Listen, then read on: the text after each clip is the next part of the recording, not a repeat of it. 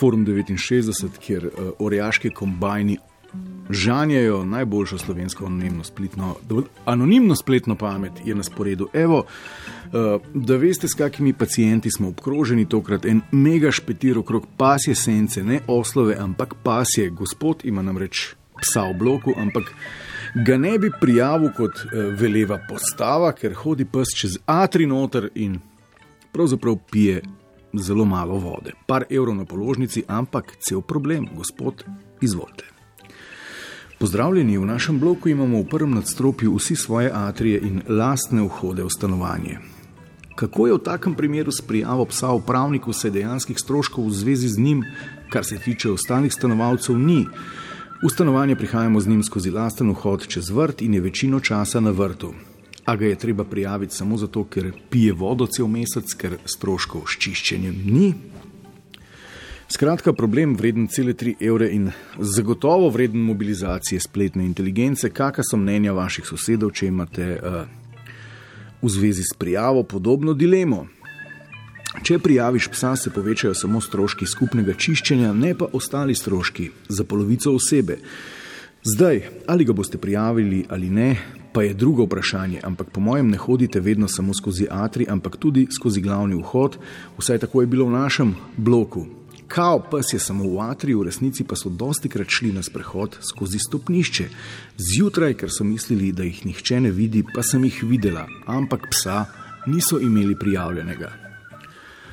Ja, zgodaj so ostali, da bi psa na črno skozi hodnik scat peljali, ampak jih je previdna teta. Videla, no, eh, je pa tema zašla tudi v smer velikosti domačega ščetinarja oziroma psa in do očitne krivice, ker ljudje nimajo prijavljenih mačkov.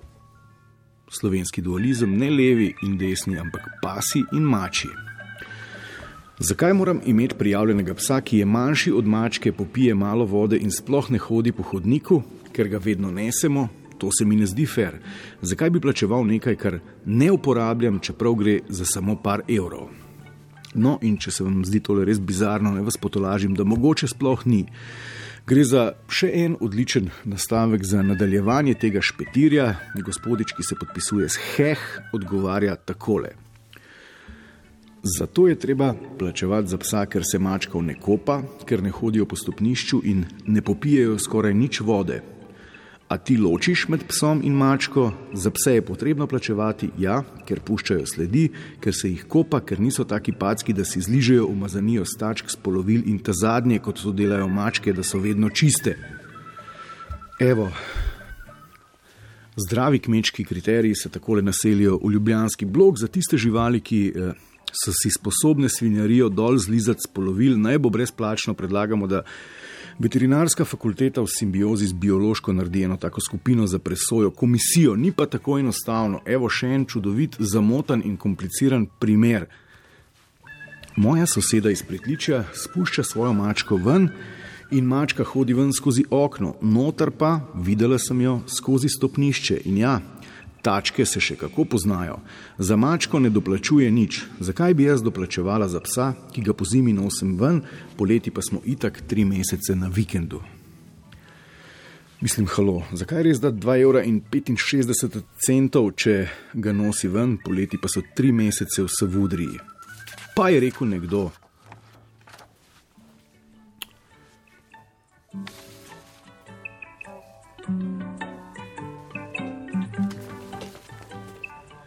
Pa je rekel nekdo, uh, zato, ker je takšen stanovanski zakon in zakoni so zato, da se spoštujejo. Pa spet nekdo odgovori temu, ja, samo morajo biti zakoni napisani tako, da so pošteni za vse, za pse in za mačke. No, spoštovani zakonodajalci, če slučajno poslušate val 202, dajte tale zakon malo popraviti, da bo fair tudi za tiste, ki psa nosijo lulat, pa za tiste, ki so čez vikend v Savudri, kot seveda tudi za tiste zastonkarje, ki mačka čez atri ven lifrajo not, pa čez hodnik prihaja. Uh, ni čudnega, da je tako, kot je, če nič ne štima v tej deželi. No, in tega je še deset nadaljnih strani. Upam, da vam je odleglo in da ste se zavedli, kako majhne so v resnici vaše težave.